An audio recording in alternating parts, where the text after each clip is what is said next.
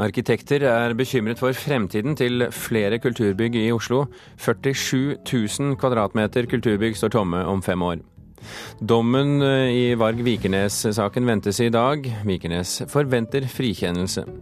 Og leserne kommer til å merke nedbemanningen i Tønsbergs Blad. Det mener både tillitsvalgt og redaktør i avisen.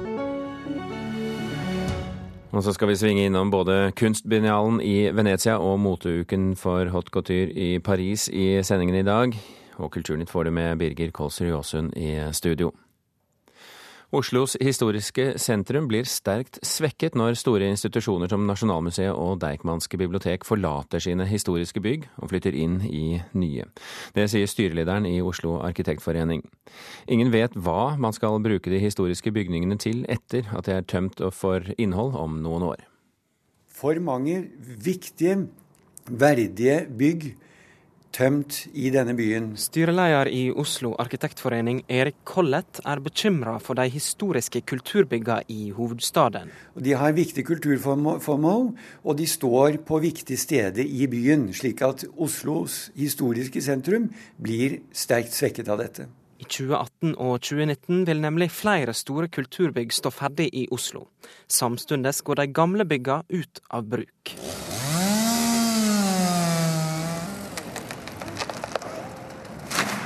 Da var det gjort. Første treet er nå felt. Slik høres det ut da Poplandet ble feltet og bygginga av det nye Nasjonalmuseet på Vestbanetomta tok til i mars i år. Når nybygget står ferdig i 2019, vil tre bygninger bli tømde.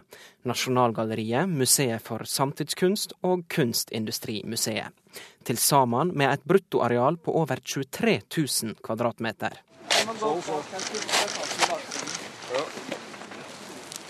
Da er byggingen i gang. Ja, nå er vi i gang her. I januar i år starta bygginga av nye Deichmanske hovedbibliotek i Bjørvika. 10 400 kvadratmeter står ledig i det gamle bygget når nytt bibliotek åpner i 2018. Exigente eh, para la paciencia y para la resistencia física. Det har vært krevjende for tålmodet og utholdet, sa arkitekt Juan Herreros da det endelig ble avgjort at Munch-museet Lambda skal bygges. Lambda åpna dørene i 2019, og da blir til sammen 13 700 kvadratmeter ledige i de gamle lokalene til Munch-museet på Tøyen og Stenersen-museet. Til sammen for de seks bygga et areal på over 47 000 kvadratmeter. Mer enn dobbelt så stort som arealet av Slottet. Aldri har så mange kvadratmeter vært tilgjengelig på så kort tid. Sier Erling Dockholm, samfunnsdebattant med doktorgrad i urbane og offentlige rom. Han kaller flytteprosessen unik i norsk sammenheng. Når norgeshistorien skal skrives, så vil nok 2018 og 2019 være årstall som fremstår som ganske unike for kunstens eh, rolle da, i norsk eh, historie. Men sjøl om historiebøkene kanskje vil heidre nybygga, er det ikke avgjort hva som vil skje med bygningene som blir fraflyttet. Nei, vi har ikke konkrete planer per i dag. Sier Hege Njå Askim i Statsbygg, som forvalter Nasjonalgalleribygningen og Museet for samtidskunst. Vi sonderer ulike muligheter. Vi har hatt noen studier som viser hva som kan gjøres f.eks. For i forhold til Nasjonalgalleriet og Tullinløkka. Men det er ingenting som er bestemt eller konkret per i dag. Heller ikke for de andre bygningene er det avklart hva som vil skje.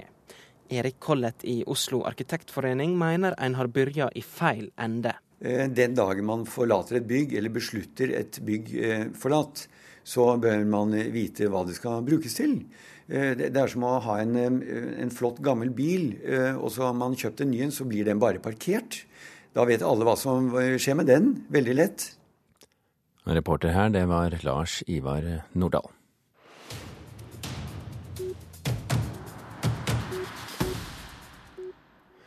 Kunst strykes fra medisinstudiet. Siden 1996 har medisinstudenter ved Universitetet i Oslo fått undervisning om legerollen, sett i lys av litteratur, billedkunst og musikk. Fra høsten av er timene strøket fra studieplanen, skriver Vårt Land. Synd, mener førsteamanuensis Anne Helene Kveim Lie, som tror studentene blir bedre leger av å lese skjønnlitteratur og studere billedkunst. Den russiske regissøren Oleg Sentsov fengsles i ytterligere tre måneder. Filmskaperen ble pågrepet på Krimhalvøya i mai, anklaget for å ha planlagt terrorhandlinger. Og nå har russisk rett besluttet å forlenge varetektsfengslingen av regissøren, som nekter all skyld. Flere av Europas fremste filmregissører, blant dem Mike Lee, Wim Wenders og Pedro Almodovar, har underskrevet et brev til russiske myndigheter der de krever at Sentsov løslates.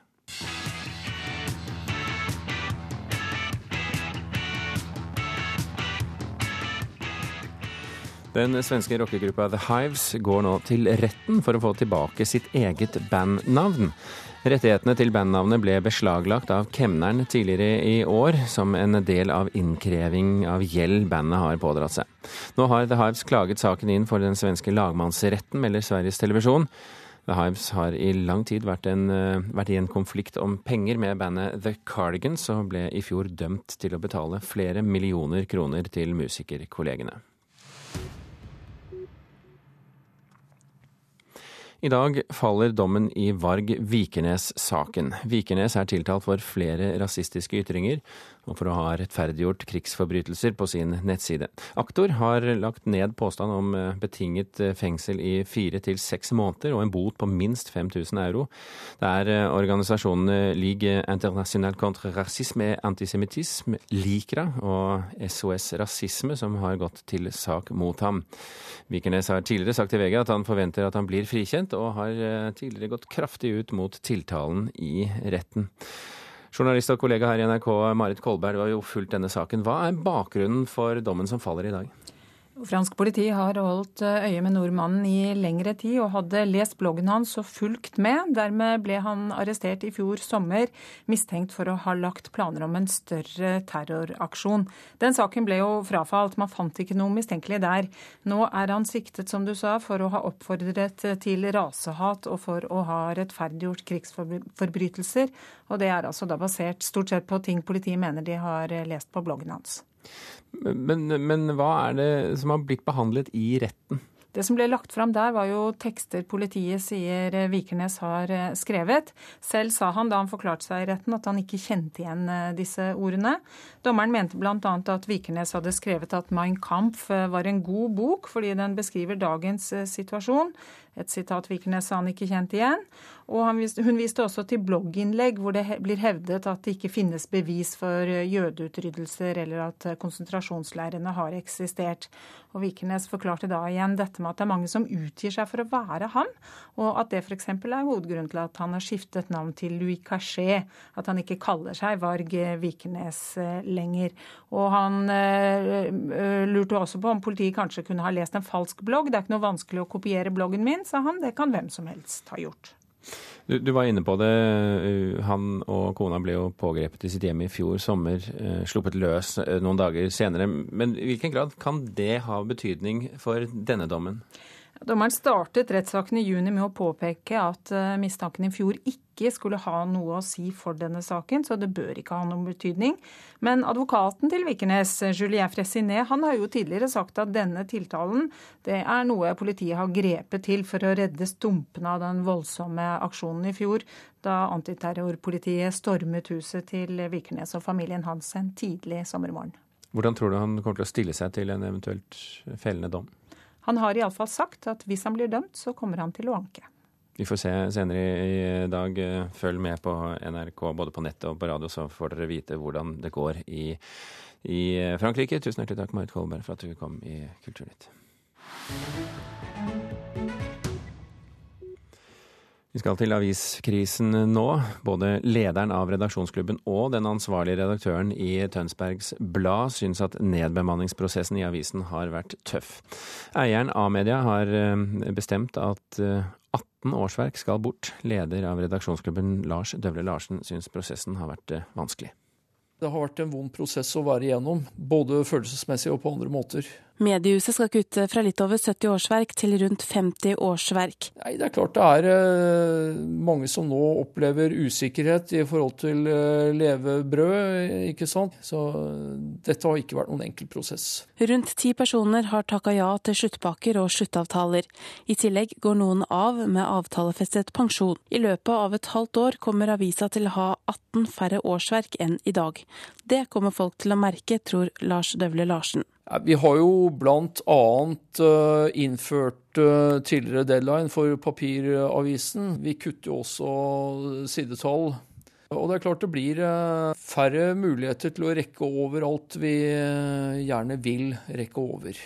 Avisa må redusere antall ansatte fordi avisa har lavere annonseinntekter. Vi kommer til å tilpasse papiravisen og det digitale produktet vårt og prøve å gjøre de enda mer forskjellige. Det sier ansvarlig redaktør Sigmund Kydland. Hendelsesnyheter, ting som skjer, eh, aktualitetsnyheter vil prege nettproduktet og mobilproduktet mer. Eh, og at papiravisa vil bli mer og mer preget av eh, bakgrunn, analyse, den type ting. Reporter i denne saken her, det var Hege Therese Holtom. Klokken er 14 minutter over eh, åtte. Du hører på Kulturnytt, og dette er toppsakene i Dagsnytt nå. Nye israelske luftangrep mot Gazastripen i natt. Utenriksminister Børge Brende frykter en opptrapping av konflikten. Knallhard kamp om ufaglærte jobber. Mer enn 840 søkere vil ha én deltidsjobb i matbutikk. Og flom gjør at sju personer er evakuert fra helsesenter i Lillehammer.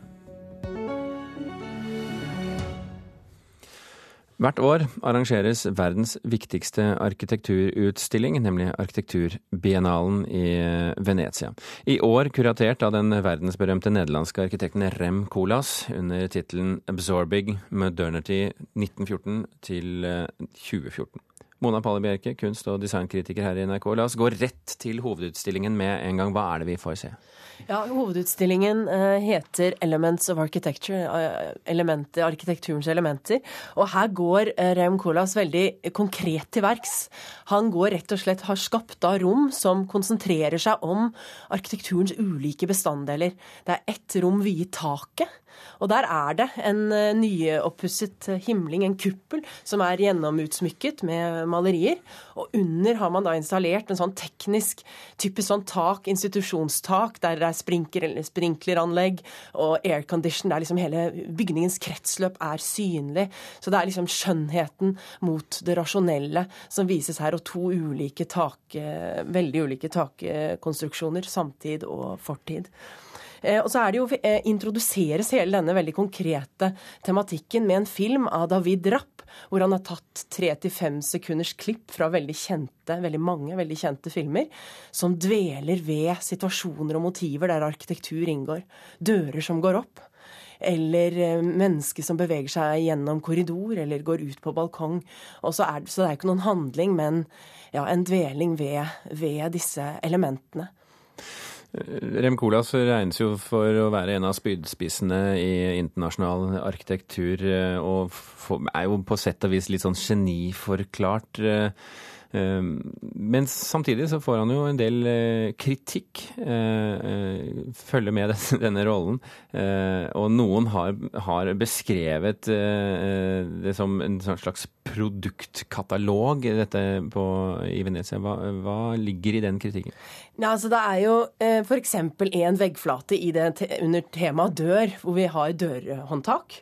En veggflate hvor det, er, hvor det er låsemekanismer. Og det er klart rent overfladisk så man kan man godt si at det ligner litt på en sånn produktkatalog eller en, en messeutstilling. Men det er så knallsterkt formmessig at dette er bare helt ved første øyekast.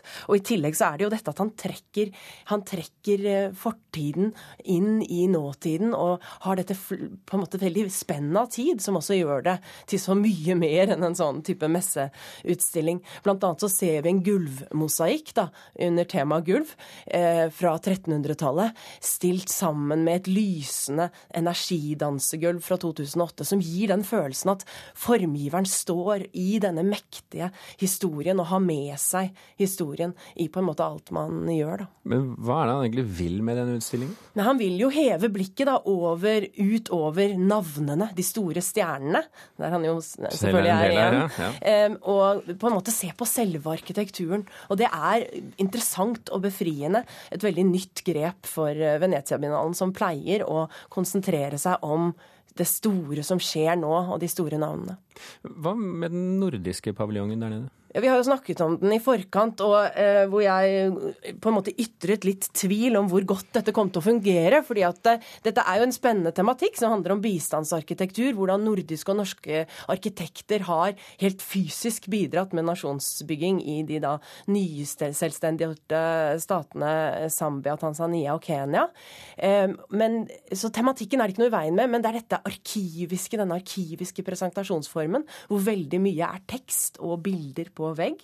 Eh, kjedelig, rett og slett? Ja, eh, det ble faktisk eh, litt kjedelig rent presentasjonsmessig. For at i, i Venezia, i denne enorme biennalen, så er man nødt til å skape et veldig uteoretisk, veldig enkelt uttrykk som griper fatt i den veldig trette og mette forbipasserende, og på en måte veldig eh, klart og tydelig formidler sitt budskap. Og ute, uteoretisk behøver ikke å bety at ikke det er refleksjoner, at ikke det er ideer. Hvem er det som har fått til dette her? Jeg syns Tyskland uh, har fått det til. Uh, der har de da, for de har jo en, den, Deres permanente paviljong er jo utformet i fascistisk, nyklassisistisk uh, arkitektur. Den ble ombygget i 38. Og den har de selvfølgelig et veldig ambivalent forhold til, tyskerne. Og det, her har de brukt selve arkitekturen, og så har de innredet den da, gjenskapt Sepp Roofs kanslerbungalow fra 60-tallet, som er på en måte en slags arkitektonisk motsats Slotts, hvor du har den lyse, modernistiske stilen som er på en måte legemeliggjøringen av den frie, demokratiske, fremskrittsvennlige verden, da, som også Vest-Tyskland representerte. Og her med veldig enkle arkitektoniske grep så klarer de da å spille ut to stiler, men også to ideologier. Og også to epoker fra tysk historie. historie. Det er jo et eksempel på genialt kuratorarbeid, syns jeg. Er det blitt en bra biennale alt i alt? Jeg syns det har blitt en veldig sterk biennale, for den, har, eh, den, er så formsterk. Og så har den Man merker denne mektige hånden til Rem Koolhaas over det hele. Og at han da har klart å skape en mye mer enhetlig og samlet biennale enn noen gang tidligere, slik jeg har sett. Mona Palle Beke, takk skal du ha.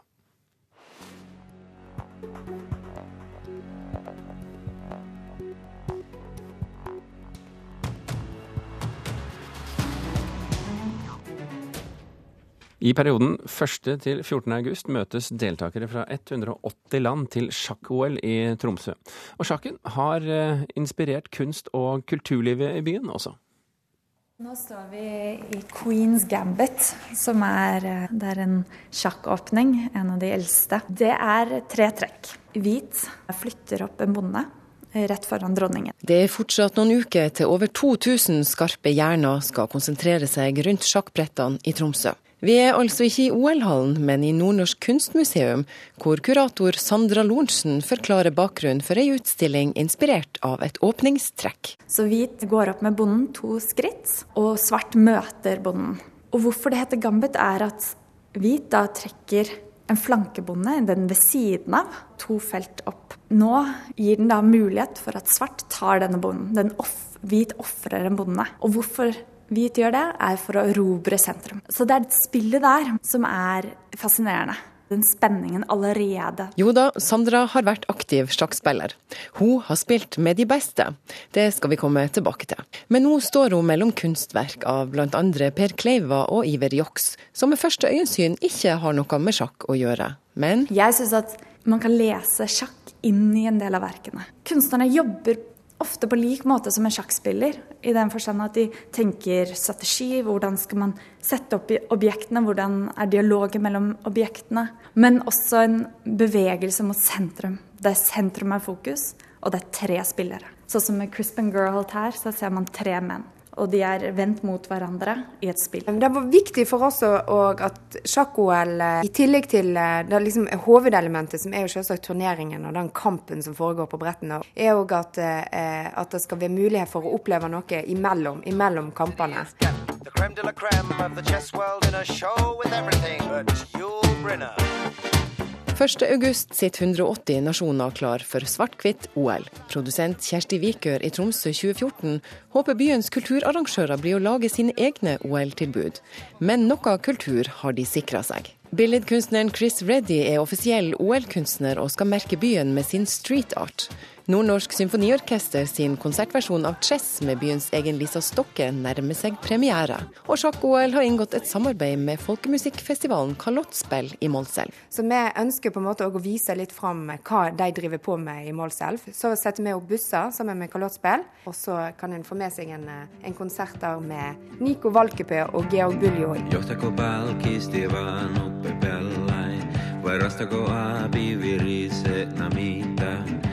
Tilbake i Tromsø kan man se Tromsø museum sin sjakkinspirerte frimerkeutstilling eller gamle sjakkbrett. Og på Tromsø kunstforening skal billedkunstneren Ida Lorentzen, mora til tidligere nevnte Sandra, ha en egen sjakkperformance. Ida Lorentzen er sjakkspiller sjøl. Hvor habil og hvor god, det vet jeg ikke. Men hun har bestemt seg for at hun skal sette seg ved sjakkbrettet.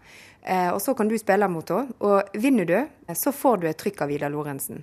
Det blir veldig spennende. Det blir hennes første performative verk. På Nordnorsk kunstmuseum hos Sandra kan hun fortelle om da hun var instruktør i Asker sjakklubb som 15-16-åring.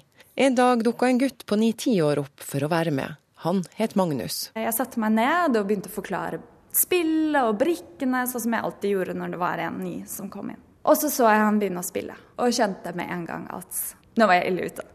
Tror du du får Magnus til å komme og se på utstillingen? Jeg håper det, men jeg kan tenke meg at han kommer til å være veldig konsentrert og opptatt med, med OL.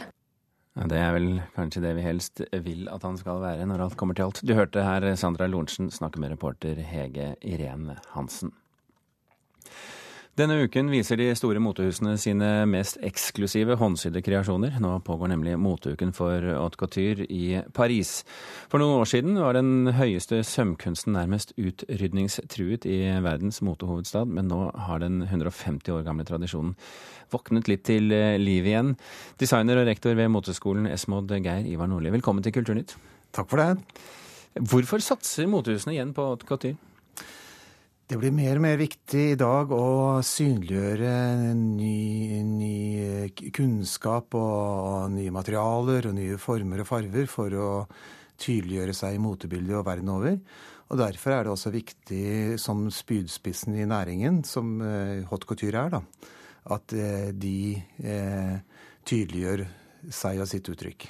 Men, men, vi har jo sett at at couture har vært på vei ut uh, i noen år. Nå er det altså på vei inn igjen. Hvorfor det?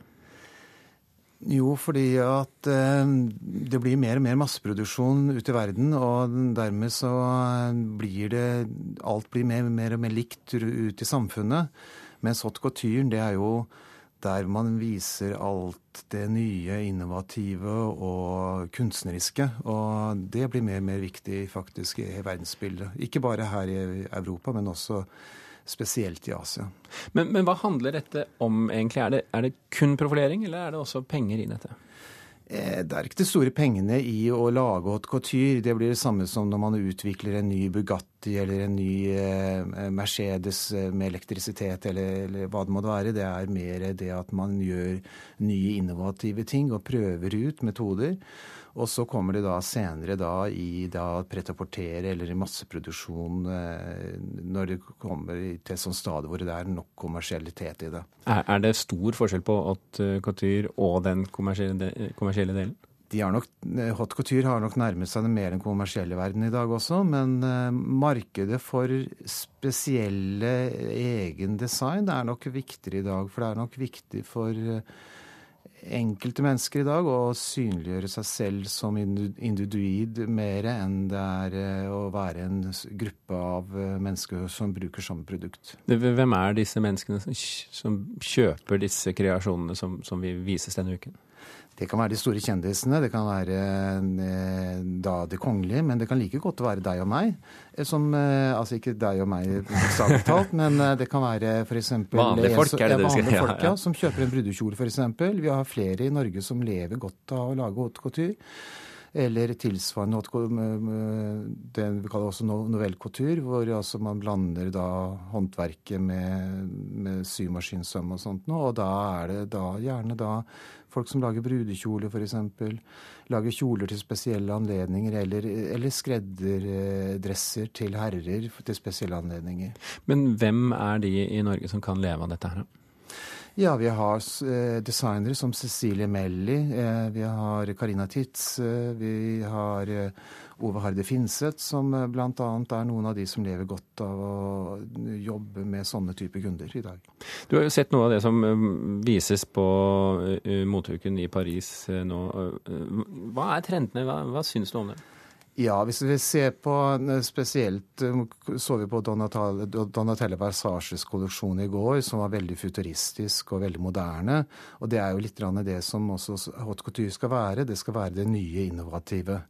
Det, de spennende materialer, spennende former.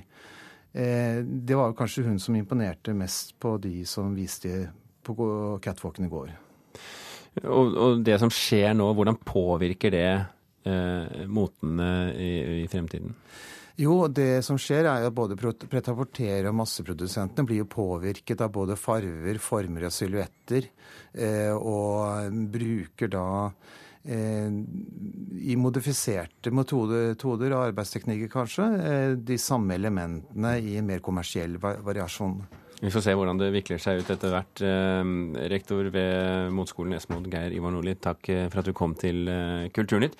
Vi har tenkt til å runde av nå før vi gir plassen til Nyhetsmorgen her på kanalen. Men før det, la meg bare minne om sakene vi hadde i dag. Vi fortalte at arkitekter er bekymret for fremtiden til flere kulturbygg i Oslo. 47 000 kvadratmeter kulturbygg står tomme om fem år. Og leserne kommer til å merke nedbemanningen i Tønsbergs Blad. Det hørte både tillitsvalgte og redaktøren si. Kulturnytt er slutt. Hanne Lunås, Vidar Sem og Birger Kolsrud Aasund takker for følget. Hør flere podkaster på nrk.no podkast.